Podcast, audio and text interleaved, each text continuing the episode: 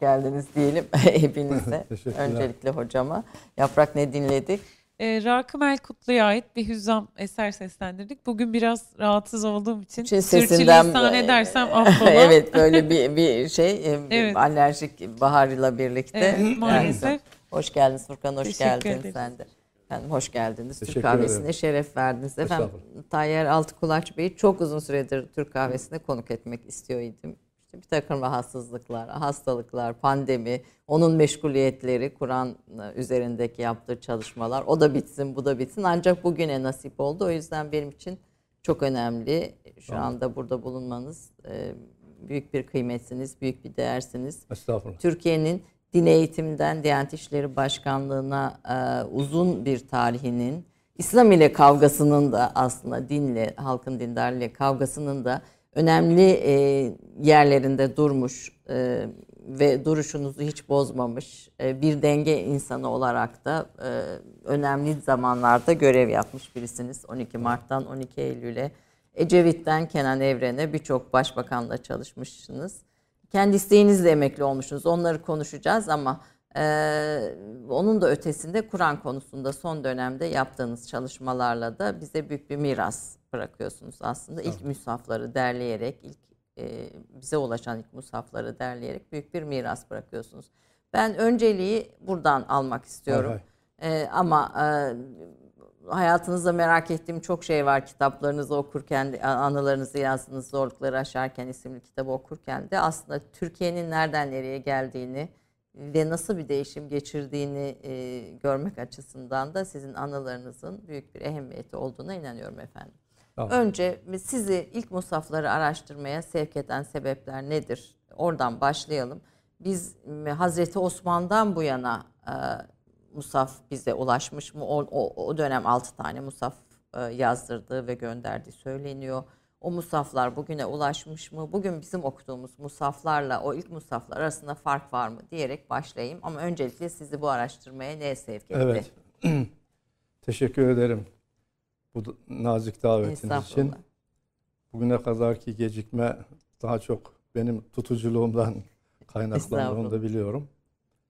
Ee, efendim e, biyografimi okuduğunuza göre Evet. 9 yaşımda hafız olmuştum.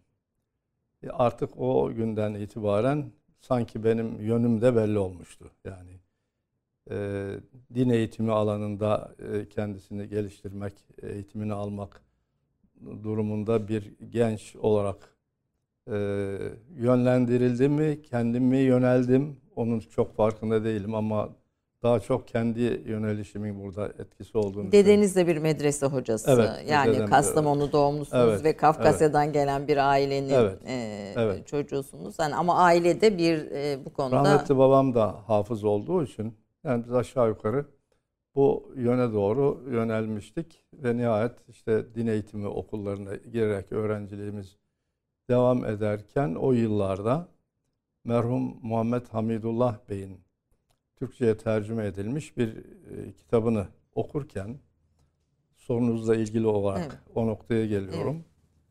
Ee, Hazreti Osman'ın yazdırdığı işte 5 deniyor, 6 deniyor, 7 deniyor diye çeşitli rivayetler var. Bunlardan üçünün günümüze ulaştığını söylüyordu kitabında. Hala o kitabı yayındadır. Ee, tabii ki bu bilgi benim çok çok ilgimi çekti. Ve e, Hazreti Osman'ın yazdırdığı mushaflar günümüze geliyor da biz bunları niye bilmiyoruz, niye tanımıyoruz? Konunun ilgili uzmanları, hocaları o yıllar itibariyle benim gençlik yıllarımı kastediyorum. Niye bu konuya hiç eğilmemişler?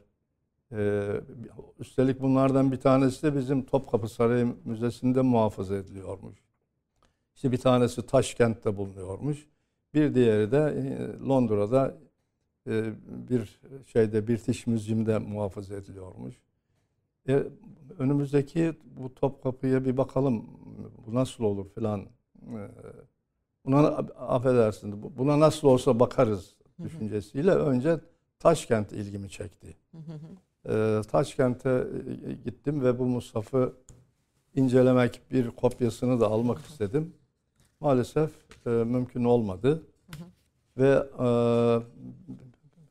bir e, daha sonra başkanlık dönemimde e, oraya davet edildiğim zaman bunun bir nusasını istedim. E, özür dilerim bir yanlış bir şey söyledim. Tasfiye etmem gerekiyor. Buyurun. Gittim dedim. Hayır öyle değil. Giden gelene e, rica ettim ki bunun bir kopyasını getirin diye. Evet gittiğimde doğru da daha sonraki Daha süreçte. sonra. Hocam e, titizlik ve disiplinle anılıyorsunuz zaten. Sizinle ilgili konuşan yazan herkes bu konuda e, en ilk söylediği şey çok disiplinlidir ve çok titizdir oluyor. Şimdi de bunun örneğini gördük. Sonuçta bu bir düzeltilecek bir hata Ee, değil evet, yani. Biz e, oranın baş müftüsü beni oraya başkan olarak davet ettiği zaman onun bir mikrofilminin e, verilmesini teminle rica ettim. Nihayet e, dönüşümüzde bize kocaman bir valizin içer valiz hediye ettiler. İçinde bu musaf varmış. Kocaman bir musaf. Ve onun ben tam bir musaf olduğunu e, zannederken e, yıllar sonra maalesef Kur'an-ı Kerim üçte birinden ibaret olduğunu öğrendim. Niye böyle olmuş? Sonraki araştırmalarımızda gördük ki e, Özbek kardeşlerimiz bu Musaf'ı zi- ziyarete açmışlar. Bu ziyaret sırasında gelen gel- geçen ziyaretçiler birer ikişer yaprak kopararak Musaf'ı bu hale getirmişler. E, Olacak bu iş üçte biri de yani. nasıl kalmış ortada? Rus general gelmiş oraya e, şeyden sonra işte Lenin'den sonra ve e, oradan işte bedelini ödeyerek bizim oradaki hocaları yetkililerin gönlünü yaparak Mustafa almış St. Petersburg'a götürmüş de Musaf kurtulmuş. Yani Rus Rus general e, bu Mustafa'ı Eğer kurtarmış. Rus general onu kurtarmasaydı belki birkaç yaprağı bile kalmayacaktı. Dağılacaktı. Bu, Ve bu- sonra dönmüş o Musaf tekrar oraya dönüşünün uzun hikayesi var. Şimdi orada dura dursun dedim ben. Topkapı'yı çalışalım dedim. Ve böylece e, Musaflara olan ilgim Muhammed Hamidullah Bey'in bu açıklamasından, bu bilgisinden sonra konuya ilgi duymuş oldum. Sorunuza kısa cevap isterseniz e, E, bu- detaya e, Şimdi evet girelim hangi mu- musaflar var? Hazreti Osman'a nispet edilen musaf nüshaları Taşkent Musafı, Topkapı Musafı Topkapı Sarayı Müzesi'nde. Bir tane daha var galiba Türk İslam Eserleri Müzesi'nde. Evet. E, yine Fahrettin Paşa'nın e, getirdiği hangisi efendim? Fahrettin Paşa'nın getirdiğini henüz çalıştık, tamamladık. Ee, e, o da Medine'den e, bir bakıma kaçırmış askerlerin koruması altında ve e, onu da hazırladık yani onu da O da baskıya hazırlandı. o da e, şimdi efendim baskıda bir evet yok E, basıldı ve şu anda elimizde elimizde. karıştırıyorum epey musaf Ka- Kahi için. 11'e yakın Musaf'ı, ilk Musaf'ı bize ulaşan Evet. ilk Musaf'ı yayına hazırladınız. Hazreti Herkesin Osman'a nispet edilenlerden sadece Taşkent'i yayınlamadık. Çünkü bunun üzerinde çok oynanmış. Ruslar oraya götürdükten sonra rutubetlenme sebebiyle bozulan satırları üzerinden tekrar mürekkeple gitmişler ve bozmuşlar Musaf'ı. Bir kasıt olmasa da diyelim. E, Ve o yüzden bir de 57 yaprağı da kağıt, orijinal değil. Zaten 350 küsür varak yaprak. Bunun da işte e, 57 yaprağı kağıt olduğuna göre diğer geri kalanları da rutubetlenme sebebiyle bozulduğuna göre ortada yayın, e, güvenilir bir metin kalmamış. O yüzden onu yayınlamadık ama Hz. Osman'a nispet edilen Topkapı, Hz. Osman'a nispet edilen Türk İslam eserleri, Hz. Osman'a nispet edilen Kahire, Kahire, Londra e, Londra ve e, St. Petersburg Musaf'ı başka bir şey mi hocam? Bu Hayır Taş, bu. Taşkent'teki. Şimdi Londra diyoruz da esas Hamidullah Bey'in e, Londra nusrası diye bahsettiği nusra şu anda baskıda. O, o da- Çalışma bitti şu anda orijinal nusra baskıda. Sonra bir de Hazreti Ali'ye nispet edilen Musaf Sana nüshaları var. Var. Yemen Sana'da Yemen. buldunuz. O büyük caminin de tavanından çıkmış. e, Tavanından çıkmış varaklar var. Ben bu nusra vesilesiyle Yemenlerin daveti sebebiyle Sana'ya dört defa gittim, geldim. Ve e, o e, konteynerler içerisinde tavandan indirilmiş, işte yıl asırlar sonra bulunarak şurada burada temin edilmiş musaf varaklarını gördüm. Üzerinde çalışılmaya hazır varaklar. Bir oryantalist, önce Gert Repuin, sonra onun bir arkadaşı. Orada epey çalışmışlar, fotoğraflar çekmişler, dijital kayıtlar yapmışlar. 35 bin çekimden bahsediliyor. Götürmüşler şimdi onlar işte üzerinde güya çalışıyorlar. Ee, güya sözü belki biraz ayıp oldu. Onu da düzeltelim isterseniz. Çalışıyorlar çünkü bayağı ciddi. Ee, tabii ki ön yargılı e, yayınlar yapıyorlar. Ee, onlarla da tanıştım. Ee, bu çalışmayı yapanlarla da e, tanışmış oldum. Ee, ama Yemen'den benim getirdiğim musaf Hazreti, Os, Ö- Hazreti Ali'ye nispet edilen musaf. Müstakil bir nusha olarak orada mevcut. Bazı varakları eksik, çok değil ama bazı varakları eksik. Onu da yayınlamış olduk. Ee, Necef nü- nüshası Hazreti Ali'ye nispet edilen Meşret nüshası ve Irak nüshası var. Bunların hepsi Onlar de- yayınlanmadı, hayır. onlar yayınlanmadı. Onlar yayınlanmadı. 11 nusha içinde onlar yok. Onlar yok. 11 nusha içerisinde Hazreti Osman'a nispet edilmeyen mesela Berlin nusası var. Sempet şey var. Bir, e, Paris nüshası var. Efendim? Tü- Paris, Paris nüshası, nüshası var. var. Tübingen nüshası var. Evet. Londra'da bir nusha var. Onları yayınladık. Şimdi bunların hepsi e, mesela Tübingen nüshası karbon testine göre e, karbon testine giriyor ve Hicri 2956 yıllarında yazıldığı ortaya çıkıyor. E, yine Paris nüshası e, karbon testine giriyor. Onun da Emevi döneminde sonlarında iki katip tarafından yazıldığı ortaya çıkıyor. Yani bunların hepsi aslında önce bir kimyasal testten geçiyor. Hangi döneme E, yazıldığına dair. maalesef yapılmıyor. Şimdi izin verilmiyor. Bir bakıma e, izin verilmediğini duydum. Yani Almanlar bunun üzerinde çok duruyorlar ama kendi ellerindeki nushaları da e, karbon testine tabi tutulamıyor. Karbon testine gelince bu çalışma bizde de yapılmaya başlandı. E, Gebze, TÜBİTAK'ın Gebze tesislerinde. Fakat orada e, yani şuna ben ihtiyaç duyuyorum. Bir musaf üzerinde karbon testi yapılmışsa bunun mutlaka tekrarlanması lazım. Çünkü bazı ciddi inanılması mümkün olmayan sonuçlar da verebiliyor. Tarihi bilgilerle e, ve akademik tecrübelerle e, vardığımız sonuçlarla taban tabana zıt şeyler çıkabiliyor. O bakımdan e, karbon testi yapılmış. Şöyle diyor, bir tane bir test o Musa üzerinde. Bunu ben şahsen bunca yıllık tecrübeme göre söylüyorum ki yeterli görmüyorum. Evet.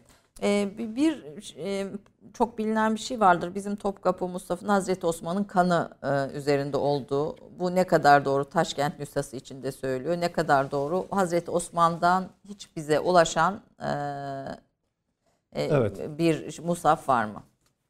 Şimdi bakınız en son Hamirullah Bey'in e, Londra'da Indiana ofiste bulunduğunu söylediği Hazreti Osman'ın musaflarından üç musaftan biri olduğunu söylediği musaf elimizde.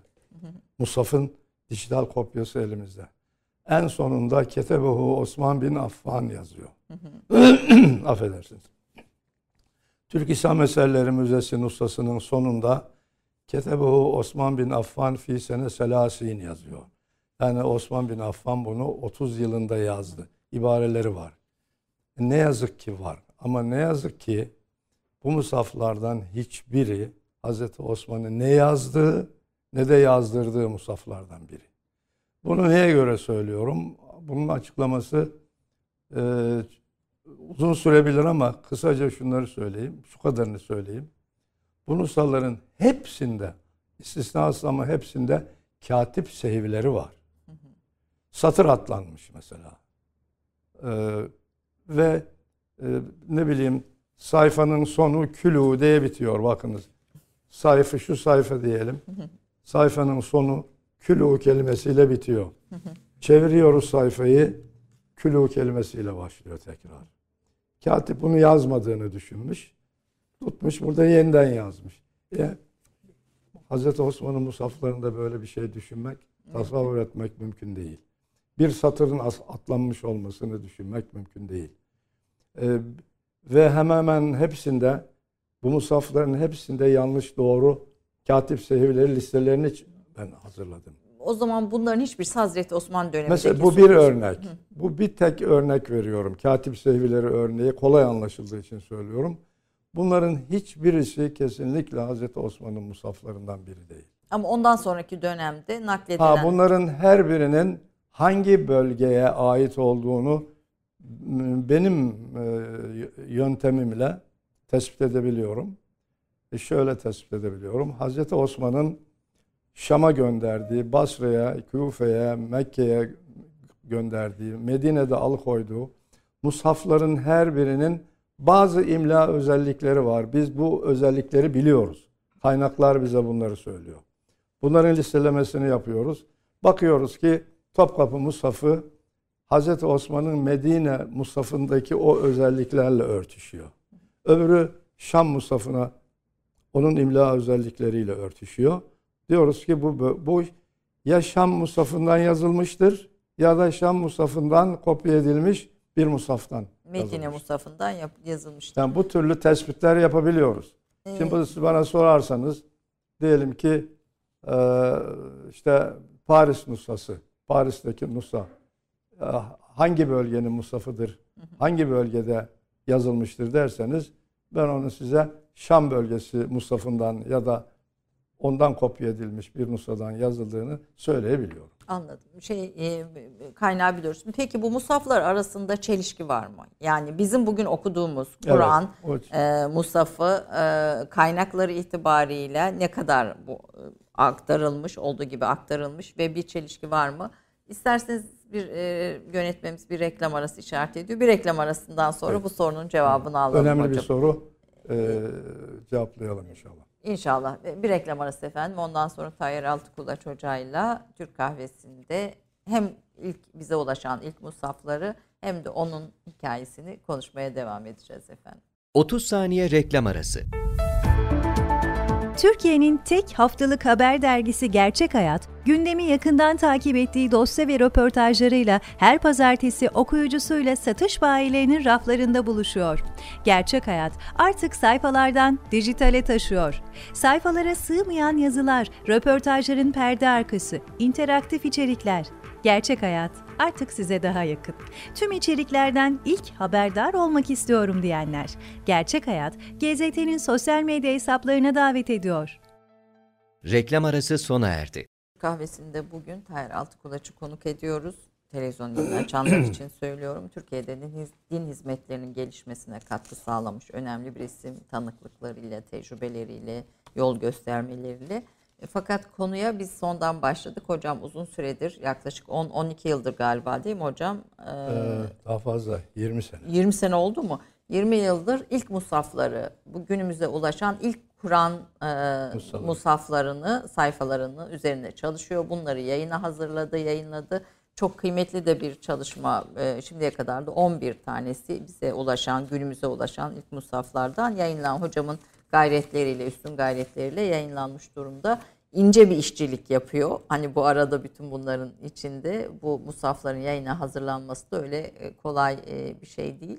E, sondan başladık, geriye doğru gideceğiz ama hocam sonu başla birleştirdi. 9 yaşında hafız olmasıyla birleştirerek Kur'an musafları konusundaki çalışmanın aslında bir bütün olduğunu, tüm hayatını kapsayan bir bütün olduğunu ve çok uzun süre yapmak istediğini söyledi.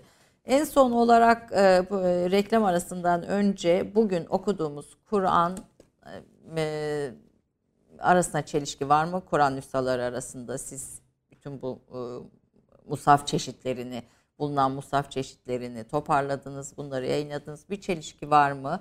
E, biraz bunu dinlemek istiyorum evet, sizden. Evet, çok özetle anlatmam gerekirse yayınladığımız ve günümüze ulaşan en eski musaf musallarının her birinin hangi bölgeyi Hazreti Osman'ın musaflarını gönderdiği bölgelerden hangisini temsil ettiğini e, tespit etmeye çalışıyoruz ve bunu yapabiliyoruz. Bunlardan birisi Şam'da, birisi işte Mekke'de, birisi Basra'da, birisi Küfe'de. Bu musafların, bu kadim musafların her biri bir bölgeyi temsil ediyor diyebiliyoruz. Bunu bilimsel olarak söyleyebiliyoruz. Bu şu demek oluyor çok açık bir şekilde. Bu musafların katipleri birbirinden çok uzak coğrafyalarda yazılmıştır. Şimdi bugün uçağa biniyoruz buradan birkaç saat sonra Mekke'de olabiliyoruz. Öyle değil. Seyahatlerin deve sırtında yapılabildiği bir e, ortamda bir e, şeyde e, coğrafyada bunlar birbirinden çok uzak coğrafyalarda yazılmış. Tamam. Bunu bir kere e, gözümüzün önünde tutalım. Bir, diğeri her birinin boyutları farklı. Kimisinin e, üst kenarı uzun, kimisi yukarıdan aşağıya. Tarzları farklı. İçleri- Deri deri üzerine Tabii, bir- hepsi deri. hepsi deri Hepsi üzerine deri. yazılmış. Satır sayıları farklı. Kiminde her sayfada 12 satır var, kiminde 16 satır var. Kiminde 18 satır var, kiminde de değişik satırlar var. E, 24 aynı mushafta 24, 23, 26 gibi satırlar var. Yani demek ki bunların katipleri birbirlerini e, etkileyen kimseler değil. Her birinin hat hocası başka birileri. Ee, Buna ama rağmen efendim bu, bu- bütün bu farklılıklar içeriği mesaj yani İçeriye şimdi yani bunların birbirlerinden kopya edilmiş musaflar olma ihtimalleri hemen hemen yok. Ee, ama hepsinde de katip sehivleri var. Hepsinin katibi bir yerde bir kelimeyi ya atlamış ya bir satırı atlamış bir şeyler olmuş. Fakat musalardan birinde bulunan yanlışlık öbürlerinde yok. Yani katip burada yanlış yazmış kelimeyi ama öbürleri orada hepsi doğru yazmış. Öbürlerinin yanlış yazdığını bu doğru yazmış. Demek ki yalnız bir şey var ki hepsinde aynı. Yani bu musafların hepsi birbirinin aynı. Birbirini görmeyen katipler tarafından yazılmış musafların hepsi aynı ve hepsi bugün okumakta olduğumuz Kur'an-ı Kerimlerin de aynı. hiçbir çelişki ve fark yok. Hiçbir değişiklik ve çelişki yok. Yani Basra bölgesinin, Şam bölgesinin, Mekke bölgesinin, Medine bölgesinin musafı gibi kabul edebileceğimiz bu musafların her biri birbirini görmeyen katipler tarafından yazılmış olmasına rağmen birbirinin birebir aynı. Yani Paris'te de, Londra'da da, Tübingen'de de veya işte Irak'ta da e, bu bulunan Topkapı Sarayı'nda da bizim mushafların hepsi birbirinin aynı. Birbirine Küçük ufak imla şeyleri Hiç farklar olsa da yani bu, değişmiyor. bu 20 yıllık çalışmanın bana göre en muhteşem sonucu budur. Bu Müslümanlar için çok büyük bir huzur kaynağıdır. Ve Kur'an'a olan inancımızı e, güçlendiren çok önemli bir sonuçtur ki bunu bu musafların yayını vesilesiyle söyleyebiliyoruz. Evet, bu bilimsel bir Bu- ispat bu- artık. Evet yani bu, Bu- bugüne bu- kadar bu- yapılmamıştı. Kimse bunu söyleyecek durumda Bu değildi. musafların e, be- benim hatam oldu hocam. Buraya aslında getirip göstermek daha doğru olurdu. Bu mu- musafların yayını da öyle nasıl gerçekleşti? Biraz onu da söyleyin. Yani işte eski e, bir sayfaya e, elinizdeki musaf, sonra Evet. işte katip şerhleri falan. Yani detaylı Yayın- bir çalışmayı da o yayınlarda görebiliyoruz. O, bu izleyicilerimiz nereden edinebilir? Onları da bir aslında söyleyelim. Bunların hemen hepsi İrsika yayını olarak yayınlanmıştır.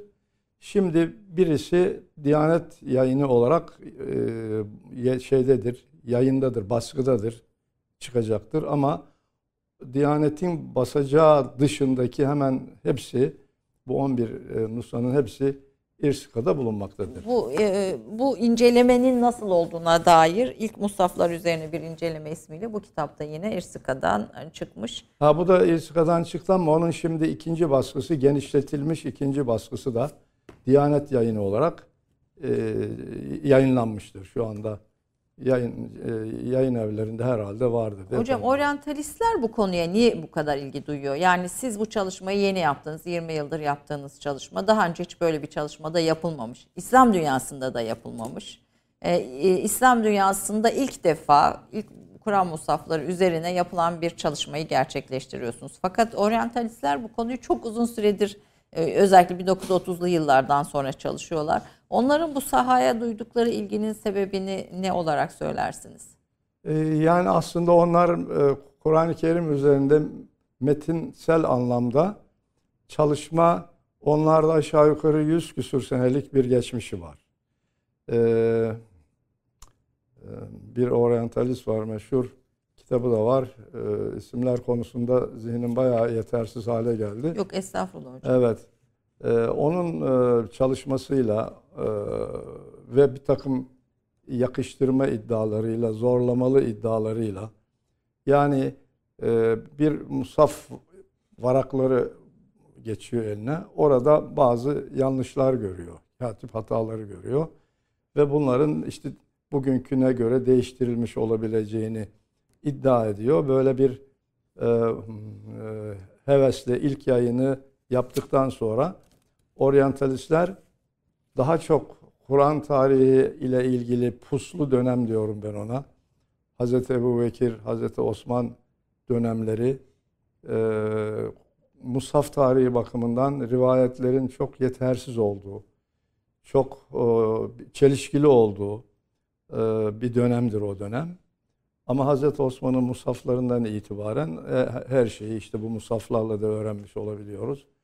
Ondan sonra oryantalistler bu tarafa yöneldiler ve şu anda musafı bir musafı başından sonuna kadar incelemek, yayınlamak gibi bir örnek oryantalistlerde de yok.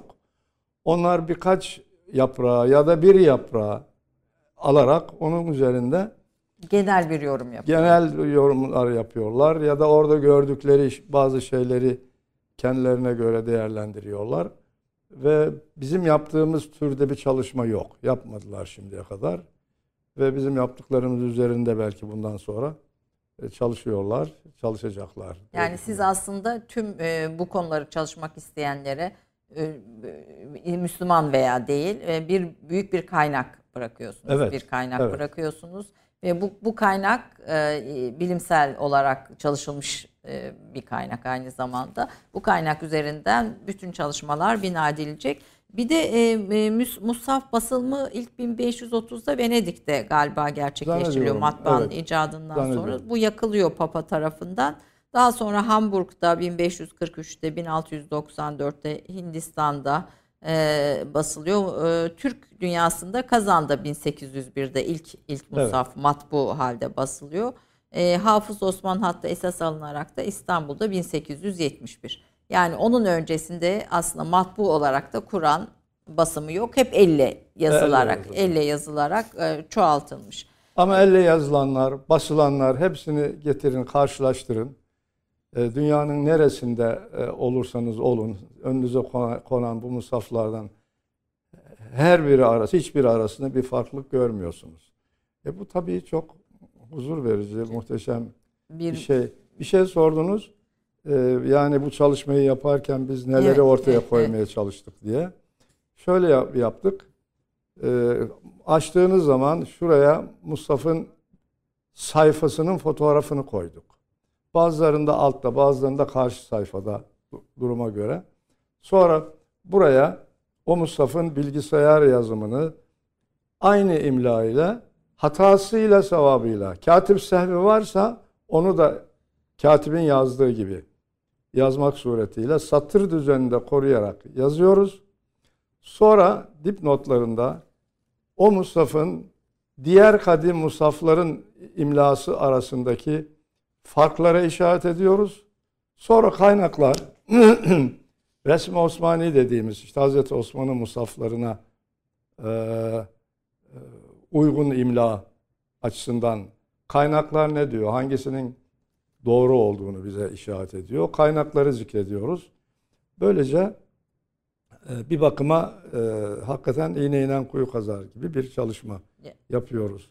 Çünkü oryantalistlerin bazı yayınlarında örnekleme yaptıkları yayınlarında görüyoruz. Mesela yen şuru kelimesi. Ee, bir Hazreti Osman'ın musaflarından birinde aynı manaya gelmek üzere yüseyyirüküm şeklinde yazılmıştır. Ee, şimdi o oryantalist e, yüseyyirüküm kelimesini elindeki musafta gördüğü için onu yüseyyirüküm diye yazıp geçiyor. Halbuki biz onu bakıyoruz ki yüseyyirüküm ile yanşurküm arasında bir diş farkı vardır. Bu diş farkını fark etmeden yazıp gidiyor. Biz bu diş farkını fark ediyoruz ve onları dipnotlarında gösterebiliyoruz. Tabii biz hiç mi yanlış yapmadık? Böyle bir iddiamız elbette olamaz. Olabildiğince yapmamaya çalıştık. Olabildiğince aynını yansıtmaya çalıştık. Ve e, okuyucudan da akademisyenden de rica ettik ki siz bir şey görürseniz bizim yaptıklarımızı lütfen bildirin. Bunları tasfiye edelim de dedik. Ee, e, Kur'an'ın güvenilirliği yani Kur'an'ın güvenilirliği konusunda oryantalistlerin ortaya çıkartmaya çalıştığı şüpheleri izale eden, gideren bir çalışmada bu aynı zamanda. Hani Kur'an'ın kadim bir e, Evet. kitap olarak e, bir dil birliği başka e, başka dini kaynaklarda, diğer dinlerde görülmeyen ayrı Evet. bir mucizevi Hazreti unsur. Osman'dan bu yana Hazreti Osman'dan bu yana iyi biz çalışmış oluyoruz. Ama e, benim Kur'an araştırmacılarından e, ricam esas bunu bizim Kuremer denen bir kuruluşumuz var. Evet. Onlara ben bilhassa rica ettim. E, Geciktiler biraz ama e, inşallah sonuçlandırmak üzereler.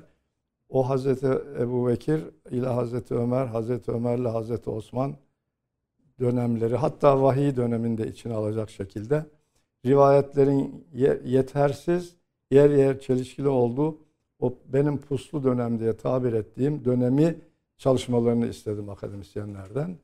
Sizin bu yayınınız aracılığıyla da bu isteğimi ve beklentimi ifade etmek istiyorum. Belki izleyicilerimize şöyle kısa bir özet sunmakta da fayda var. Hazreti Ebubekir döneminde e, bu sayfalar iki kapak arasına geliyor. Ama sonra Hazreti Osman döneminde kurulan bir komisyonla e, Çoğaltılıyor. çoğaltılıyor, sıraya konuyor. Hani e, bu burada Hazreti Hafsa'nın Evet. o zaman yaşayan peygamberimizin zevcelerinden Hazreti Hafsa'nın şeyiyle e, işareti. Hazreti Ebu Bekir'in derlediği Nusa Hafsa validemizde.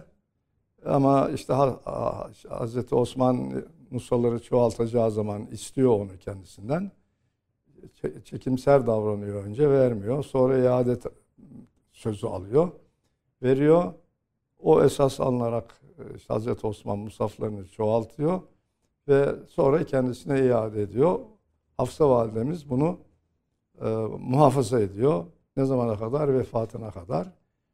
E, burada çok e, hassas, akademik açıdan çok ince bir noktayı da dikkatle söylemeye çalışacağım. Hazreti e, Hafsa validemizin kardeşi den e, Medine valisi bunu istiyor.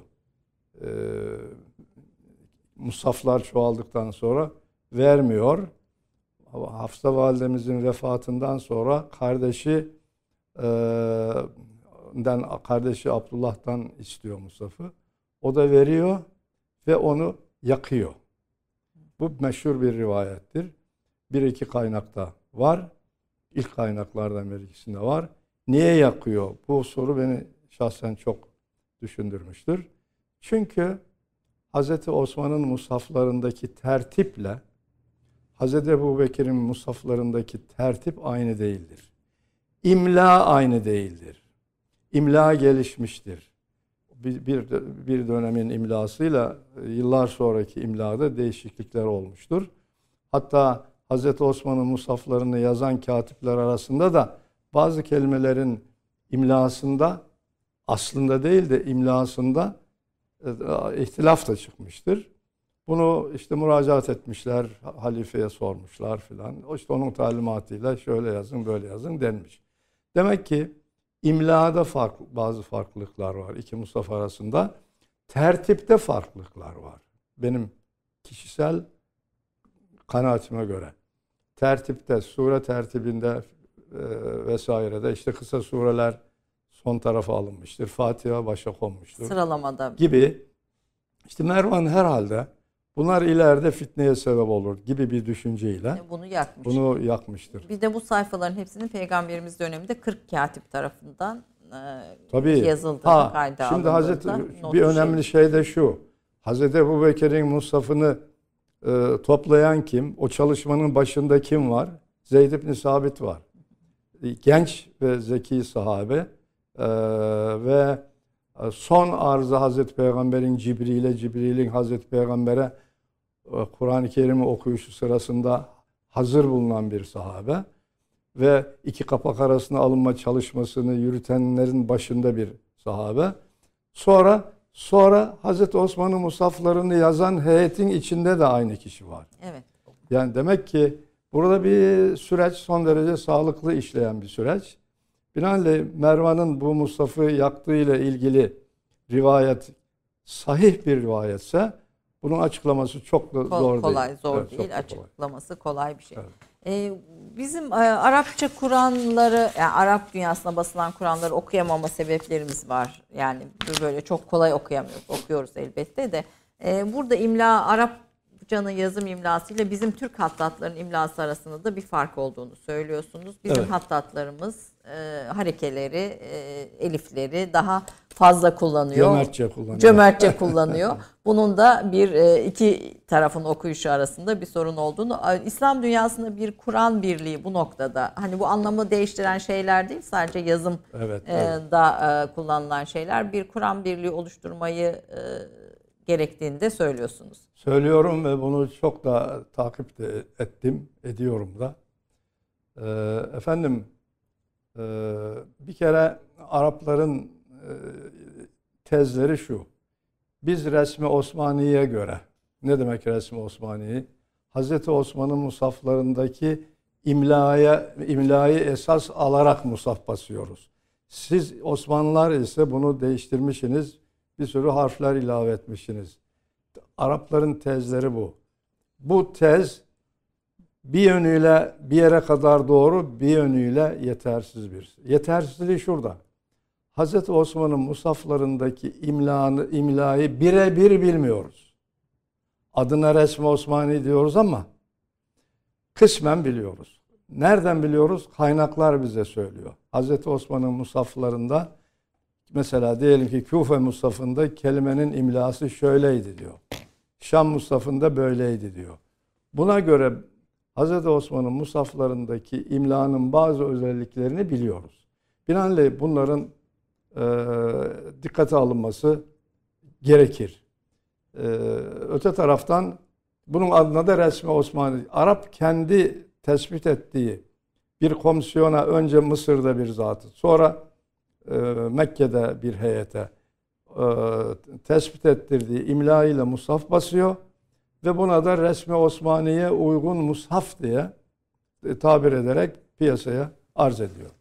Bize gelince biz e, işte herhalde okuyucuya, Arap olmayan okuyucuya kolaylık olsun diye kelimelere çok çok elifler, elifli okunacak kelime. Orası tamam. Okunuşta bir fark yok. Orası tamam. Harfler ilave etmişiz. Ben diyorum ki bun- bunlara gerek yok. Hiç olmazsa İslam dünyası mukaddes kitaplarının imlasında birlik olsunlar. Peki doğrusu hangisi? Doğrusu değil de doğrusu Hazreti Osman'ın Mustafa'ndaki imla ise doğrusu değilse doğruya yakın imla Arap'ın imlasıdır. Evet, bunu da böyle bir önemli bir not olarak Evet. e, düşelim. Bir anle en azından biz de onunla. Diyorlar ki Arapların Mustafa'nı okumakta bir zorluk çekiyoruz. Bu zorluğun sebebi imladan değil, harekeleme sisteminden kaynaklanıyor. Yani biz kendi harekeleme sistemimizle aynı imlayı Türkiye'de yaygın hale getirdiğimiz zaman hiçbir problemin olmayacağı. olmayacağını söylüyorsunuz. Efendim şimdi biraz hayat öykünüze süremiz de azalınca dönmek istiyorum. Zorlukları aşarken 3 cilt halinde kendi anılarınızı e, yazdınız. E, Sizin bu anılarınız bizim için çok önemli. Çünkü Türkiye'nin e, İslam'ı bir tehdit ve tehlike olan özellikle Lozan sonrasında ortaya çıkan e, süreçlerde Tevhid-i Tedrisat Kanunu, ezanın Türkçeleştirilmesi, e, onun türbelerin ziyaretlerin engellenmesi yani dinin sosyal hayattan ve hayattan tamamen çekildiği bir dönemin hemen akabinde açılan Yüksek İslam Enstitüsü'nün ilk mezunlarından birisiniz. Evet. E, İmam Hatip Lisesi yine aynı şekilde 1952-53 İmam Hatiplere ilk girişiniz, İmam Hatip Okulu'na Evet, girişiniz. öyle E, 59'da da Yüksek İslam Enstitüsü'nden mezun oluyorsunuz. 63'te. E, pardon 63'te mezun oluyorsunuz, 59'da giriyorsunuz. Evet.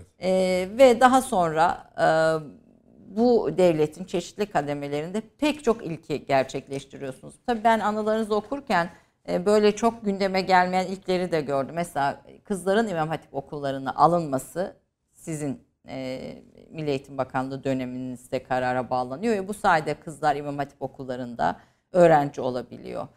Benim Milli Eğitim Bakanlığım zamanında bakan olmadım yani. Hayır hayır bakanlıktaki göreviniz Din İşleri Genel Müdürlüğü göreviniz esnasında şimdi detayları biraz daha gireceğim vakit yetmeyeceği için hızlı hızlı gidiyorum. Evet. Ee, ilk defa kızların imam hatiplere girmesi yine e, bu e, başörtü yasağı 28 Şubat kararlarının çok öncesinde başlayan aslında bir süreç. O süreçlerde e, başörtüsü İslam'ın emridir e, şeklindeki Diyanet'te e, verdiğiniz işte fetvalar e, haçtan e, başlayarak işte Diyanet İşleri Vakfı'nın kurulması, İslam'ın kurulması, din eğitiminin iyileştirilmesi gibi birçok şey e, ve hepimizin hayatına dokunan birçok kararda, birçok değişimde çok etkiniz oluyor. Bir defa biraz bu dönemi konuşarak bundan sonraki bölümde ilerlemek istiyorum ama önce bir özgeçmişinizi çok kısa bir izleyelim. Ondan sonra bu zorlukları aşarken neler yaşadınız? Hangi zorlukları yaşadık? Hangi zorlukları? Bir de ateşten gömlek giydim diyorsunuz. Evet. Ee, biraz Sonra onu bu siz... zorlukları ne kadarını aştık, aşamadık bilmiyorum. Ee, onu da dinlemek isteriz sizden aslında. Bence belki de asıl konuşulması gereken de o. Efendim kısa bir Tayyar Altıkulaç'ın e, özgeçmişini izleyelim.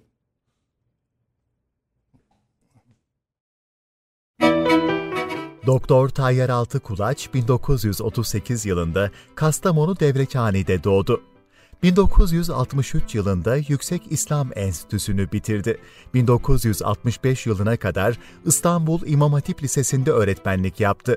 Daha sonra Kayseri Yüksek İslam Enstitüsü'nde asistanlık ve öğretim üyeliği görevlerinde bulundu. Bağdat Üniversitesi'nde Arap Dili ve Edebiyatı alanında ihtisas yaptı, tefsir dalında doktorasını tamamladı. 1971-1976 yıllarında Diyanet İşleri Başkan Yardımcılığı, daha sonra Milli Eğitim Bakanlığı Din Eğitimi Genel Müdürlüğü, Talim ve Terbiye Kurulu üyeliği görevlerinde bulundu. 1978'de Diyanet İşleri Başkanlığı'na tayin edildi, 10 Kasım 1986 tarihinde emekliye ayrıldı. Tayyar Altıkulaç'a Azerbaycan Milli Akademisi tarafından profesörlük ünvanı verildi. Emeklilik döneminde İstanbul Marmara Üniversitesi ve Bakü Devlet Üniversitesi İlahiyat Fakültesi'nde öğretim görevlisi olarak hizmet etti. Kurucuları arasında yer aldığı Türkiye Diyanet Vakfı ve Türkiye Diyanet Vakfı İslam Araştırmaları Merkezi'nin başkanlık görevlerini yürüttü. 1995 ve 2002 seçimlerinde İstanbul Milletvekili olarak parlamentoya girdi ve her iki dönemde de Türkiye Büyük Millet Meclisi Milli Eğitim, Kültür, Gençlik ve Spor Komisyonu Başkanlığı görevini yürüttü. Yüce kitabımız Hazreti Kur'an, Tecvidül Kur'an, Zehebi ve Marifetül Kurrası, Ebu Şame el-Makdisi ve El-Mürşidül Vecizi adlı eserleriyle Hazreti Osman'a nispet edilen Musaf-ı Şerif, Hazreti Ali'ye nispet edilen Musaf-ı Şerif, günümüze ulaşan Mesaif-i Kadime, ilk musaflar üzerine bir inceleme çalışmaları ve hatıralarını içeren Zorlukları Aşarken adlı üç ciltlik kitabı bulunan Altı Kulaç'ın, Ebu Şame el-Makdisi ve El-Mürşidül Vecizi isimli eseri Arapça olarak Beyrut'ta basıldı. Türkiye Diyanet Vakfı İslam Ansiklopedisinde de 82 telif madde yazdı. Ayrıca bu ansiklopedi için muhtelif müellifler tarafından yazılmış 1500 maddenin düzeltmesini ve incelemesini yaptı. Doktor Tayyar Altıkulaç hala 29 Mayıs Üniversitesi Mütevelli Heyeti Başkanlığı görevini sürdürmektedir. 30 saniye reklam arası. Birinci sınıf bir kültürün, birinci sınıf bir düşüncenin, birinci sınıf bir duyarlılığın dergisi Cins, hem edebiyat dünyamızın önde gelen isimlerini hem de yeni kalemleri ağırlıyor. Her ay bayilerden ulaşabileceğiniz Cins dergi, dijital dünyaya da yeni bir kapı aralıyor. Sayfalara sığdıramadığımız kıymetli yazılar, merak ettiğiniz yazarlarla cins sohbetler, dergiden ekrana yansıyacak röportajlar ve tabii podcast. Şimdi sizleri cinsi tüm sosyal medya mecralarından ve gezete.com adresi üzerinden takip etmeye davet ediyoruz. Reklam arası sona erdi.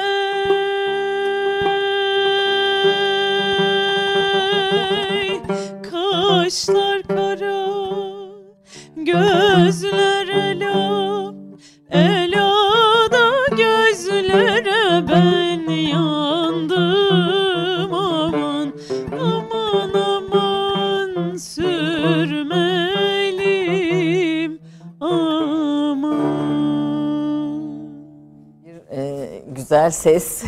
Teşekkür ne ederim. dinledik Yaprak? Bir Uşak türkü İstanbul türküsüydü. Yürü Dilber yürü ömrümün varı dedik. Peki teşekkür ediyoruz. Teşekkür Bize. ederiz.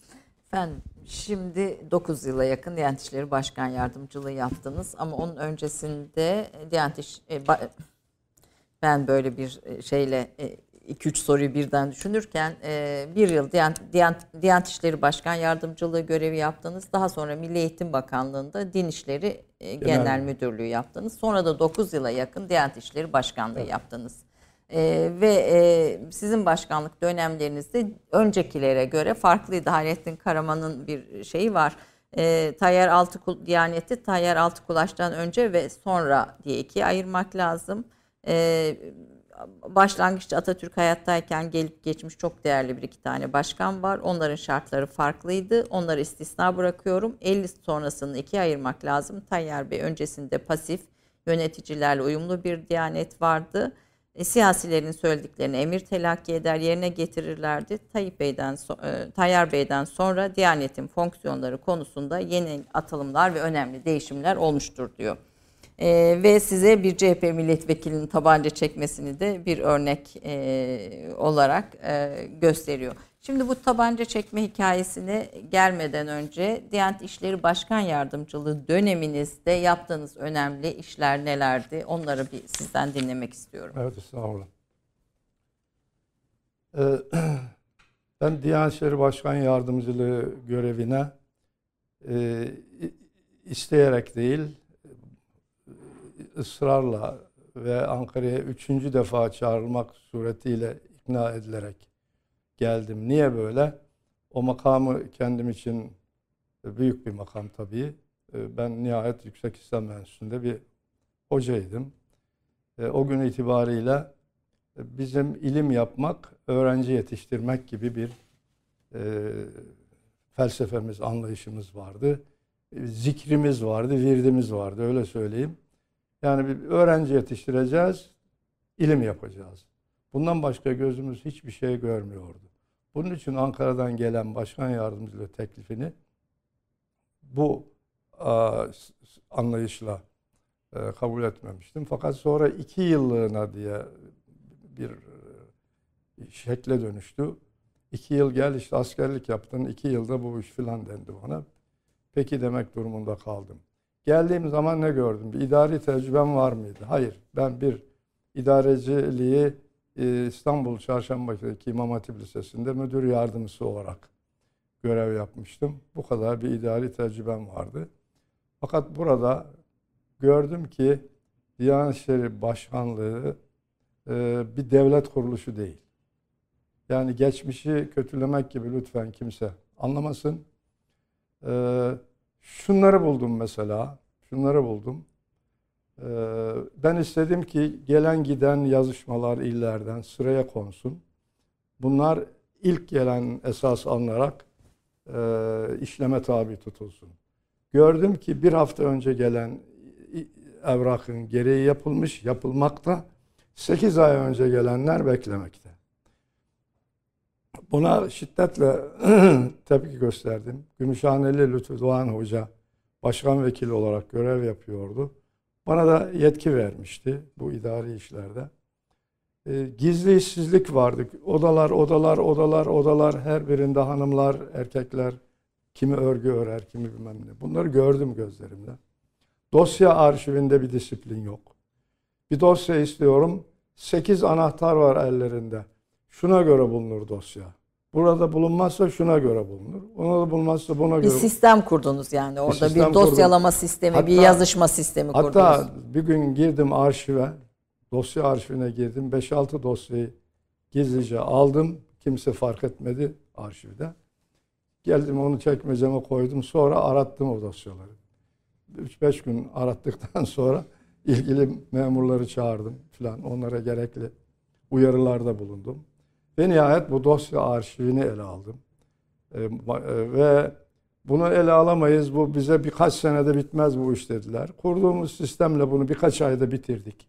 Artık aradığımız dosyaları bulabilir hale geldik. Uzatmayalım. Peki bir de milletvekilleri Allah selamet versin. Ben de o işi yaptım ama ben milletvekiliyken Diyanete politikanın karışmaması için mücadele verdim. Diyanetçi arkadaşlara da ben arkanızdayım. Siyasetçilere doğru olmayan işlerde iltifat etmeyin. Ben sizden yanayım dedim. O anlayışımı sürdürdüm siyasi olarak. Netice itibariyle milletvekili geliyor, ofise giriyor, memurun masasının önüne oturuyor, tarih numarasını söyleyip evrakı yaptırıyor, gidiyor. Öbürü bekliyor. Odaların kapısını kapattım. 1971 e, 76 yıllar arası. 71 76 76 kapıları yıllar. kapattım. Milletvekillerini kabul etmeyeceksiniz dedim. Ve Muavin Bey'in Muavin Bey'im ben o zaman. Muavin Bey reis yardımcısı yani. E, Muavin Bey'in emri var kusura bakmayın deyin bana yönlendirin dedim. Bu arada bazı tatsız olaylar oldu milletvekillerinden şikayet edenler şunlar bunlar. Yine hayırla anayım. E, O zaman e, Devlet Bakanı Mehmet Özgüneş bu konularda bana destek oldu. Onu da belirteyim.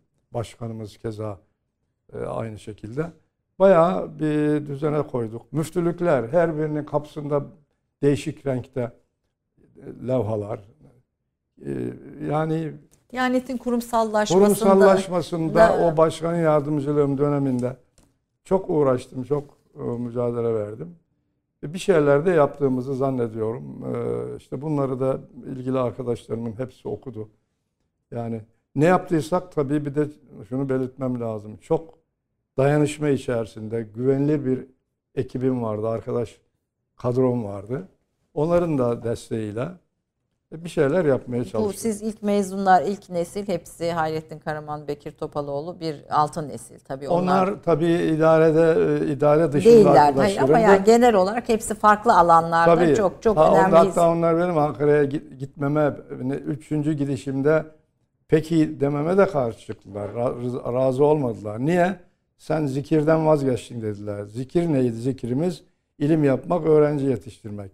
Tabii ben iki yıllığına söz verdim Ankara'ya ama 18 yılda dönemedim. Ankara'da kaldınız. Sonra Milli Eğitim Bakanlığı Din Eğitimi Genel Müdürü yaptınız. Talim Terbiye Kurulu üyeliğinde bulundunuz. Bu dönemlerde en önemli icraatlarınız nelerdi? Kız çocuklarının İmam Hatip'e kabul edilmesini e, söyledim. Statik efendim Kız çocukların İmam Hatip'e katıl e, kabul edilmesi yine bu döneme bu döneme rastlıyor. Bilmem açmama gerek var mı kısaca? E, Yani daha önce kızlar İmam Hatip'e gidemiyordu. Gidemiyordu ve ben bunu e, CHP'li e, Milli Eğitim Bakanı e, Mustafa Üstündağ'a götürdüm bunu filan ve genelgeyi e, şey yaptı. Bu arada Danıştay'a bir dava açıldı. Danıştay'a dava açan veli kız çocuğunu, bakınız bu çok önemli. Kız çocuğunu götürüyor bir İmam Hatip okuluna kaydettirmek istiyor. Yönetmeliğin ilgili maddesini göstererek okul idaresi bunu reddediyor. İlgili Bu maddede erkek yazıyor çünkü. Çünkü erkek yazıyor kabul şartları arasında. Vatandaş Danıştay'a gidiyor bunu iptal ettiriyor. Ama bu kişisel bir dava oluyor. Ve o, o, o çocuğu, o kız çocuğunu kaydediyorlar. Ama gene kapılar kapalı. Ben bunu örnek göstererek açmak istedim. Ama o genelgem kabul edilmedi. Daha sonra Nait Menteşe e, Milli Eğitim Bakanı olunca ona götürdüm. Onu ikna ettim. Ve bu kapıyı açtık e, bu kız öğrencilere. E ona da ne dedim? İşte bakınız herkes Danıştay'a mahkemeye mi başvursun? Yazık günah değil mi bu insanlara? Bu bir demek ki e, yasa bunu böyle görüyor. Bu bir hak. E, ikna oldular ve e, aç- açtılar bu konuyu. Ondan sonra e, bir başka konu e, o dönemde biliyorsunuz şunu bu vesileyle açmış oluyorum e, Ayşe Hanım. Ee, okullarda her dersin bir öğretmeni vardır. Fiziğin, fiziğin öğretmeni ayrıdır, kimyanın ayrıdır, tarihin ayrıdır, edebiyatın ayrıdır. Bu imam hatiplerde de böyledir. Fizik hocası vardır, kimya hocası vardır, edebiyat hocası vardır. Ama tefsir, hadis, fıkıh, kelam, İslam tarihi, siyer, dinler tarihi meslek derslerinin hocası yoktur. Kim okutur bütün bu dersleri? İlahiyat Fakültesinden mezun olanlar okutur. Onların atama kararnamesine ne yazar? Meslek dersleri öğretmeni yazar. Kararnamenize meslek dersleri öğretmeni diyorsa siz artık gidince hangi ders boşsa oraya girersiniz. Kur'an'ı da siz okutursunuz. Tefsirde. Tefsir de siz okutursunuz. Hatta Arapçayı da siz okutursunuz. Bu bir bu bir e, bizim eğitim tarihimizin bir ayıbıdır. Ben bunu o günlerde gündeme getirdim. Projelendirdim. Talim terbiye de yattı bu. Yap kabul etmediler. Sonra talim terbiyeye üye olunca gittim canlandırdım bu dosyayı. Ve nihayet oradaki üyeleri ikna ederek talim terbiye bu konuda karar aldı. En azından hiç olmazsa tefsir, hadis, fıkıh, kelam ve İslam dini esasları diye Yüksek İslam Enstitülerinde 3 bölüm ihdas edildi. Ve bu kararın altına imza da benim son imzam oldu. O imzayı da bana Talim Terbiye Kurulu üyeleri Diyanet İşleri Başkanlığı makamına beni tebrike gelerek imzalattırmış oldular. Fakat yıllar sonra Yüksek İslam Enstitüleri İlahiyat Fakültesine dönüşünce bu iş yeniden eskiye dönmüş oldu. Ve ben bu konuyu dert edinmeye devam ettim. Bundan önceki YÖK Başkanımızla anlaştım. Hatta bir komisyon kurduk. Bugünkü Diyanet İşleri Başkanımız Ali Erbaş, o günkü Milli Eğitim Bakanlığı Müsteşarı Yusuf Tekin, e, işte bendeniz ve nihayet YÖK Başkanı, e, o günün YÖK Yekta Başkanı, Bey. efendim Yekta Yekta Bey, Bey. dört kişilik bir komisyon kurduk. Bu komisyon ilk toplantısında yaptığı Yusuf Tekinsiz çünkü müsteşarlık görevi sona ermişti toplantı tarihinde. Ve bana görev verdiler ki sen bunun ilk hazırlıklarını yap getir. İlk hazırlıklarını yaptım gönderdim. Maalesef aramama takip etmeme rağmen sonuç alınamadı. Buradan da bunu iletelim. Bugünkü yeni YÖK başkanımızı tebrik ziyaretimde konuyu yeniden götürdüm ona. Geçmişi anlattım. Büyük ilgi gösterdi Sayın Başkan. Bunu İstanbul'da bir toplantı yapalım, ele alalım dedi. Bekliyorum. Peki bu Bekliyorum. beklentiyi de burada Vallahi bu iletelim. beklenti inşallah gözlerimi yummadan gerçeğe... Estağfurullah efendim. Allah uzun ömürler nasip etsin. Yani bu çok önemli değil mi Ayşe Hanım? Elbette önemli çünkü ihtisas artık hani bu burada yetişmiş tefsir hocalarımız var, hadis hocalarımız var. Yani yetişmiş bir sürü de insan Yani var. evet. Yani geçmişin koşullarında belki daha az Bakınız, yetişmiş insan Sayın vardı. Cumhurbaşkanı'na da götürdüm. O da üç bölümü yeterli değil bunu açın biraz daha da dedi. Peki Bütün buradan bu bunu, talimatlar hepsi bekliyor. bunu iletelim efendim. Siz 78'de Diyanet İşleri Başkanı oldunuz. Bülent Ecevit Evet. başbakandı. Ee, Bülent Ecevit'le, Demirel'le, Bülent Ulusu, Özal, Kenan Evren'le çalıştınız bir defa. Hani bu 1, 2, 3, 4, 5, 5 başbakan neredeyse. 4-5. 4 Ecevit, Demirel, Ulusu, Özal ve Kenan Evren. Ben Ee, Evren Cumhurbaşkanı. Cumhurbaşkanı, bir cumhurbaşkanı onu da hani o dönem için başkan Evet, e, statüsünde gördüğümüz için ilk dönemlerde çalıştınız. Bu dönemde yaptığınız hani zor, e, en önemli icraatlar nelerdi? Aştığınız en önemli zorluklar nelerdi? Yani bu bu programı biz bir ikincisini Efendim, yapacağız gibi şöyle. görünüyor. Çünkü bu bu bu tecrübelerin şu an daha çok başında. Yani hakikaten çok böyle e, kestirmeden gidiyoruz. Bazı şeyler belki de çok iyi anlaşılmıyor olabilir izleyicilerimiz bakımından. Tabii bir kere e, olağanüstü dönemi, Ecevit dönemi, rahmetli Ecevit dönemini kastetmiyorum. Askeri yönetim dönemini kastederek söylüyorum. Bazı çevreler rahat durmazlar. Askeri e, bazı şeylerin üzerine gitmeye zorlarlar. Yani ilginç örnekler te- tespit edip birebir bunları anlatabilsek tabii çok e, yararlı olur ama ne yazık ki buna programımız izin vermeyecek. Öyle anlaşılıyor.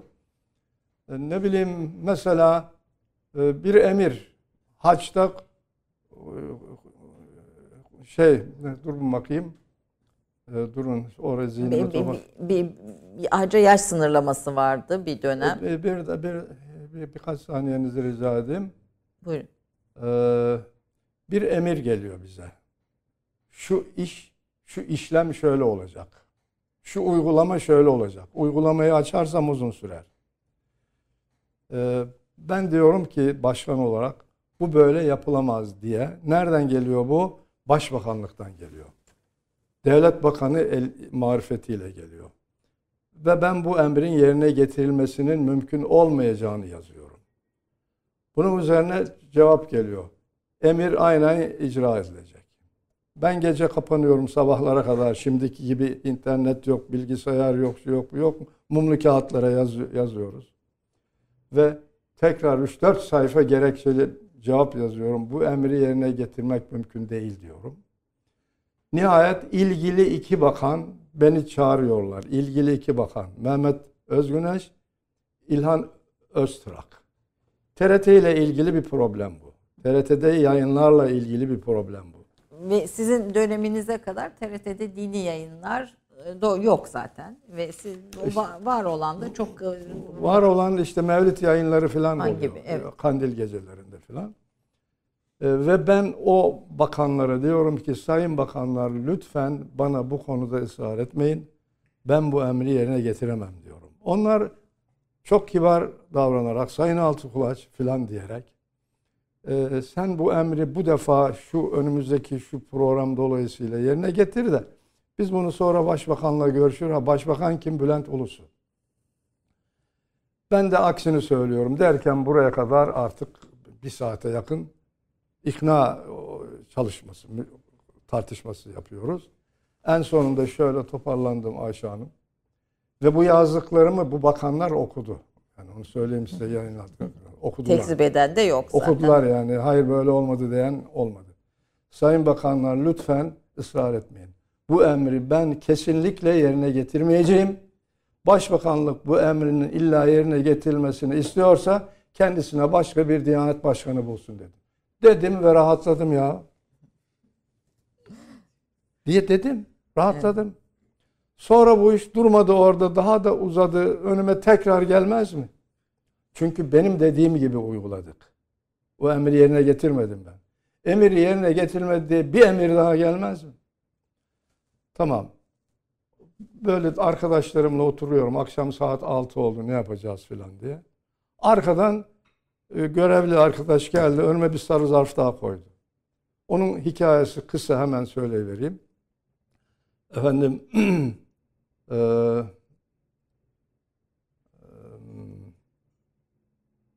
Haç'ta durun bakayım. Ha şöyle e, zihin yorgunluğumu hoş Yo, görsün o estağfurullah. izleyicilerde. Hacca hac kararnamesi var ya hacca bundan böyle 30 bin kişiden fazla kimse gönderilmeyecek. Biraz önce söyledim. Evet yaş Evet, tahdidi var bir evet. de tabii. Bir. iki e, 35 o- yaş o- altı o gitmeyecek. efendim 65 yaşın üstü kimse gönderilmeyecek. 3 30 yaşından genç kimseler de gönderilmeyecek. Bakınız 30 binden fazla gönderilmeyecek. 30 yaşından gençler gönderilmeyecek. 65 yaşından yaşlılar gönderilmeyecek. Hemen telefona sarıldım. Çakır Albay diye bir albay vardı. Yüz yüze gelip hiç karşılaşmadık ama köşkten Kenan Evren'in ofisinden e, beni Çakır Albay arıyor derlerdi. Oradan tanıyorum kendisini. Çak, Çakır Albay'ı bağlayın bana dedim. Çakır Albay'ı bağladılar. Dedim ki albayım Cumhurbaşkanı'ndan randevu istiyorum. Bunaldım artık. İki tane emir var. İkisini de benim yerine getirmem mümkün değil. Ee, e, buyur ba- başkanım dedi. Cumhurbaşkanından randevu bana lütfen acele dedim. Tamam dedi. Çarşamba gün Manisa'ya gidiyor dedi. Dönüşünde hemen görür. Yok yok yok çarşambası perşembesi yok. Ben yarın sabah randevu istiyorum. Hayrola dedi Sayın Başkan. Evet falan. Hakikaten sabahleyin 9'da beni çağırdılar. 9-10 neyse o arada çağırdılar. Kalktım gittim Kenan Evren'e. Ne hayrola dedi Sayın Altıkulaş nedir dedi bu acil bir şey mi var dedi filan. Ee, evet efendim acil sıkıntılarım var dedim. Nedir? Birincisini anlattım. Ee, şimdi onun ona anlattıklarımı kısmen açmak zorundayım. Emir'de ne diyordu? Emir'de şunu söylüyordu. Kandil geceleri senede işte 4-5 gece için Mevlid programı uygulanacak. Önceden Bu hafta filan camide kayıt yapılacak. Öbür gün, öbür hafta falan camide. Ben de Diyanet İşleri Başkanı olarak cemaatin karşısına geçeceğim orada. Ne kandildir, ne bayramdır, ne seyrandır. Azı cemaat bu gece Band Kadir Gecesi istiyor yani canlı yayın Böyle- değil band kayıt. Var. Ama işte bir hafta e, onu onu önceden kayda alıyorsunuz ama ne Kadir gelmiş ne Miraç gelmiş hiçbir şey yok gündemde. Kenan Evren'e bunu anlatabilmek için anlattım. Anlamadım ya dedi filan. Ben size başka türlü anlatayım dedim. Efendim siz dedim e, ne Cumhuriyet Bayramı ne e, 23 Nisan Çocuk Bayramı hiçbir şey yok orada da. Statta milleti topluyorsunuz dedim. Siz de Cumhurbaşkanı olarak orada oturuyorsunuz. Milli Eğitim Bakanı geliyor orada aziz vatandaşlar, aziz çocuklar. Her şey Bugün- tiyatro bugün yani. 23 Nisan. Ama 23 Nisan falan değil dedim. Ee, bir hafta sonra bir daha topluyorsunuz dedim. Bu da Cumhuriyet Bayramı diyorsunuz dedi. Ne, ne demek ya böyle saçma şey olur mu dedi. İşte bunu bunu istiyorlar benden dedi. Ya olmaz öyle şey. Ben hallederim dedi. Sen merak etme dedi. Ben, ben hallederim. Böyle saçma şey olmaz dedi. Peki. Öbürü öbürü haç konusunu anlattım. E dedi ki ya 30 yaşından gençler de gitmesin yahu dedi. Ben dedi bunları Kenan Evren okudu bu yazdım ben bunları. Evet, evet. Okudu bunları. Herkes okudu onlar. Ee, e, dedim ki 30 yaşından genç kaç kişi hacca gidiyor tahmin edersiniz dedim. Kaç kişi dedi? Gitse gitse 40-50 kişi dedim gider. 40-50 kişinin haccını önleyeceksiniz dedim. E, bu- bu- Bundan ne elde edeceksiniz? Bu 50 kişi yüzünden siz dedim hac kısıtlaması gibi bir pro- propagandaya konu olmaz mısınız? Evet dedi. Peki 65 yaş. Da yaşlılar dedi orada ölüyorlar dedi. Dedim Sayın Cumhurbaşkanım vatandaş emekli ikramiyesini alıyor. Cebine biletini de koyuyor. Dünyayı turluyor. Hiç onlara bir şey demiyoruz. Adam dedim ömründe bir defa beklemiş hacca gideceğim diye. Bunlar dedim size e, puan getirmez. Bu millet sizi seviyor. Efendime söyleyeyim. Siz işte şöyle sıkıntılı bir zamanda bu işe el koydunuz falan. Siz dedim işte anlattım bir şeyler. E, 30 bin kişiye gelince zaten o, o yıllarda hac sayısı serbest olduğu halde 32 bin, 33 bin, 33 bin 500 daha yukarı kimse müracaat etmiyor. Bugünkü gibi değil. Daha zor koşullar çünkü. Efendim. Hem evet. ekonomi çok kötü Ekonomi zaten çok, kötü. işte bu. E dedim 2-3 bin kişinin haccını engellemek bu hiç doğru bir yaklaşım değil dedim. Peki dedi, peki dedi bu konuda bir açık şey vermedi. Ne yapacağını söylemedi. Ben geldim yerime oturdum. Müsaade aldım, geldim oturdum. Bir 10-15 dakika geçti geçmedi. Mehmet Özgüneş arıyor beni. Bayar Bey, buyurun Sayın Bakanım. O dedi e, yayınlar dedi, TRT yayınları senin dediğin gibi olacak dedi. Bir 10 dakika geçmedi, onda Öztrak'a herhalde ya da kim, onu Öztrak, öbürünü kendisine emir gelmiş. Dayar Bey, işte bu hac kararnamesinde ile ilgili değişiklik emrini yerine getirmeyeceksiniz, sümen altı edeceksiniz onu dedi ve böylece Kenan Evren'in müdahalesiyle açtık. İşte zorlukları böyle. Ama tabii birçok başka zorluk da yaşandı. Hem işte nasıl? başörtüsü, bunun Hem nasıl? içinde dini bir sürü e, kural. e, Şunu anlatmak Yani mı? 28 Şubat'ı sizin gözünüzden dinlemek isterim ve Türkiye'nin aslında Vallahi- 28 Şubat'ı biz sadece bir güne mahsus Bakınız- yani bir aya mahsus bırakıyoruz ama onun öncesi yılların Şimdi bakınız e, var. terlediğimi, bunaldığımı artık ne yapsak bu işi bıraksak mı dediğim olayı da müsaadenizle madem Peki öyle onun da süremiz Evet. bitti ama onu da dinlemek istiyorum. Birebir ve geldi. bitirelim. genel şeyden Cumhurbaşkanlığından genel kurmay yok genel kurmaydan değil Cumhurbaşkanlığı genel sekreterliğinden bir yazı geldi. Hutbeler konusu. Örnek hutbeler hazırlanacak. Bu hutbeler içerisinde işte Atatürk de anlatılacak. işte laiklik anlatılacak. E, filan gibi yani e, bütün haftalara cevap veren, yıl boyunca cevap veren bir hutbe kitabı hazırlanacak. Bu hutbeler arasında şunlar da bulunacak filan diyor. Efendim aa, biz e, şeyde mecliste bir dostlarımız askeri bir albaylar grubu vardı. Onlarla çok iyi ilişkilerimiz vardı. Önce onlarla bir temas kurduk. Ya dedik ki biz bu konuyu nasıl yapacağız? Yani Atatürk'ü he- her yerde zaten bu millete biz öğretiyoruz. Cami minberinde bugünkü şartlarda bakınız 2022'de değil o günün Türkiye'sini düşünün. Ee, nasıl bir yaklaşım gösterelim bu konuda? Hocam dediler. Onlar bize suhuletli bir yaklaşım gösterdiler. Ve biz ona göre bir hutbe kitabı süratli 5-10 gün içerisinde paylaşarak bir hutbe kitabı. Hepsi bugün de hi camilerde okunabilecek hutbeler şeklinde hazırladık. O arada hemen genel kurmaydan da bir yazı geldi. Bu arada Genelkurmay sürekli sizin Diyanet'e bir anlamda talimat veriyor. Ya şimdi oraya da gitmiş yazı. Onlar da bize 60 küsür hutbe metnini e, ihtiva eden bir liste göndermişler.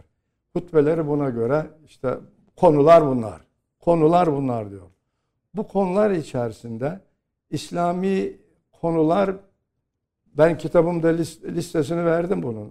Evet Ha. var Ve detaylı. 5-6 konu dışında hepsi ama tamamına yakını yani %70'i 80'i diyelim hiç mübalağasız Atatürk ve ilkeleri, Atatürk ilkeleri, Cumhuriyet şu filan bütün bunlardan ibaret. Şimdi tabii biz hazırladığımız için genel kurmaya da birkaç gün gecikmeyle cevap verdik. Dedi ki hutbe kitapları, hutbe metni hazırlanmış ve e, işte şeye de sunulmuştur. ge- Genel sekreterliğe de sunulmuştur. Bu itibarla sizin listeniz dikkate alınamamıştır diye cevap verdik. Ve o bizim hazırladığımız kitabı Diyanet olarak yayınladık. Bugün de Bu hutbeler böyle. yürürlüktedir ve okunabilir hutbelerdir onlar. O zorluğu da bu şekilde açtık. Şimdi Yani- ben ben Diyanet'te sene boyunca Atatürk'ü anlatacağım. Sene boyunca Cumhuriyet'i anlatacağım. Yani bu Atatürk aleyhtarlığından başka ne anlam ifade eder onda? Tabii bu- bu- bu bunlarla da sınırlı değil yani gerçekten laikli İslam'ın laikliğin e, karşısında bir tehdit ol- olarak e, yer aldığını, Diyanet'in de böyle bir e, yapı içinde nasıl konumlanacağına ilişkin kafa karışıklığının olduğu yıllarda uhuletle ve suhuletle bu evet. kurumu yönetmiş ve Yönet- bugünlere ge- gelmesine de büyük katkılar Evet, sağlamış birisiniz. E, tabii birçok şeye giremedik yani 29 Mayıs Üniversitesi'nin kurulması yine sizin mütevelli heyet başkanısınız Fikri. İSAM öyle, e, Diyanet İşleri Vakfı öyle. Hani bütün bunların hepsi yurt dışına Diyanet görevlerin gönderilmesi yine sizin döneminizde başlıyor. Daha önce böyle bir uygulama yok. Bütün bunların hepsi bir aklın ürünü Haç aslında. işlerini düzene koyduk. Haç işlerinin düzenine konulması, Rüyeti Hilal, Ramazan'ın İslam dünyasıyla aynı Rüyeti dönemde e, ba- başlaması. Bütün bunlar sizin dönemlerinizin önemli işleri ama hepsinin de açılıp konuşulması gerekiyor. Ben bir ikinci program sözü alayım sizden. bir ikinci programda e, bunları konuşalım ve e, ve gerçekten bu tecrübeleri sizden dinlemenin önemli olduğuna inanıyorum. Niye? Çünkü insan okurken anılarda Türkiye nereden nereye gelmişi de görüyorsunuz. Mesela benim e, anılarınızda birinden alıntıyla yer e, vermişsiniz. Jandarmanın köylüyü döverek Türkçe ezan okuttuğu bir dönem var. Yani köylüyü döverek Türkçe ezanı okutuyor. Şimdi böyle bir dönemden e, bugüne gelişin hikayesini sizin gözünüzden tekrar dinlemek istiyoruz. Bir söz alalım burada sizden. Ben e, Gümüşhaneli Lütfü Doğan Başkanım'dan bir şey- hiç unutmadığım bir şey öğrendim. Ben böyle bir zor konu götürdüğüm zaman bunu bir tezekkür ederim Tayyar Bey derdi. Bir teşekkür edin efendim o zaman. bir tezekkür edelim. İnşallah diyelim ama söz vermiş olmayayım. İnşallah. Peki bu eski terbiyenin tabii de bir aynı zamanda tezahürü. Bu arada e, resimlerinizi e, bakarken motosiklet tutkunuz, yani motosikleti çok sevdiğinizi gördüm. Motosikletli resimleriniz var. Furkan'la da ortak e, bir bağları da var bu konuda. Ee, Yönetmenimiz bitti diyor ama ben bunun da bir altını çizmek isterim. Bir de son final olarak eşinizin sizin hayatınızdaki katkısı ne oldu? Eşinize dair de bir iki Evet. söz dinleyerek birinci bölümü bitiriyorum efendim. Programın e, Efendim- bu bölümünü bitiriyorum sadece. Eşimin e, sabrı ve uyumu sayesinde bu zorlukları aştığımızı söyleyebilirim. Yani e, Az gülen birisiniz çünkü. Efendim? Az gülen birisiniz. az gülen biri oldum. Çocuklarımla mesela onların yetişme çağlarında hiç ilgilenemedim. Ee, akşam gelirim geç vakit onlar yatmış olurlar. Sabahleyin erkenden kalkar giderim onları görmeden giderim. Ee, tabii bu içimde bir acıdır. Yani çocuklarımın yetişmesi, yetişme dönemlerinde kendileriyle e, yakından ilgilenebilmiş olmalı. Ama eşim de sağ olsun e, bu konuda hiçbir problem hatırlamıyorum. Bu yüzden yaşadığım bir problem hatırlamıyorum. Daima yanımda oldu ve sabırlı oldu. Katlandı öyle diyelim isterseniz. Bana katlandı. Estağfurullah efendim. Ama tabii bir yoldaşlık yapmış size. Evet. Bir Ama bu katlanma işi hala devam ediyor. Onu da söyleyeyim. Sabahları ben erkenden üniversitedeyim. Her gün cumartesi dahil. E işte bir pazarı ayırabiliyoruz. Onun da yarısını size ayırmış olduk. Efendim kaç yıldır davet ediyoruz. Kaç yılda bir oldu. Biz e, e, eşinizden rica edelim bir pazarı daha bize ayırın efendim. Çok çok teşekkür ediyorum. Lütfettiniz. Rica E, çok kısa dinleme imkanımız oldu. Devamını inşallah, İnşallah. sonraya diyelim. Efendim çok kıymetli bir konuğum vardı. E, Profesör Doktor Tayyar Altıkulaç. E, Türkiye'nin aslında hikayesini ondan dinlemenin çok özel ve önemli olduğunu düşünüyorum. Yaptığı çalışmaları kısmen bu bölümde konuştuk. Devamında daha geri kalan Diyanet İşleri Başkanlığı dönemi, Türkiye'nin darbelerle geçirdiği yıllar, o dönemlerde yaşanan din hizmetleri konusunda yaşananları dinleyeceğimizi umut ediyorum. Bu Kitabı da kitaplarını da buradan tavsiye ediyorum. Hoşçakalın efendim.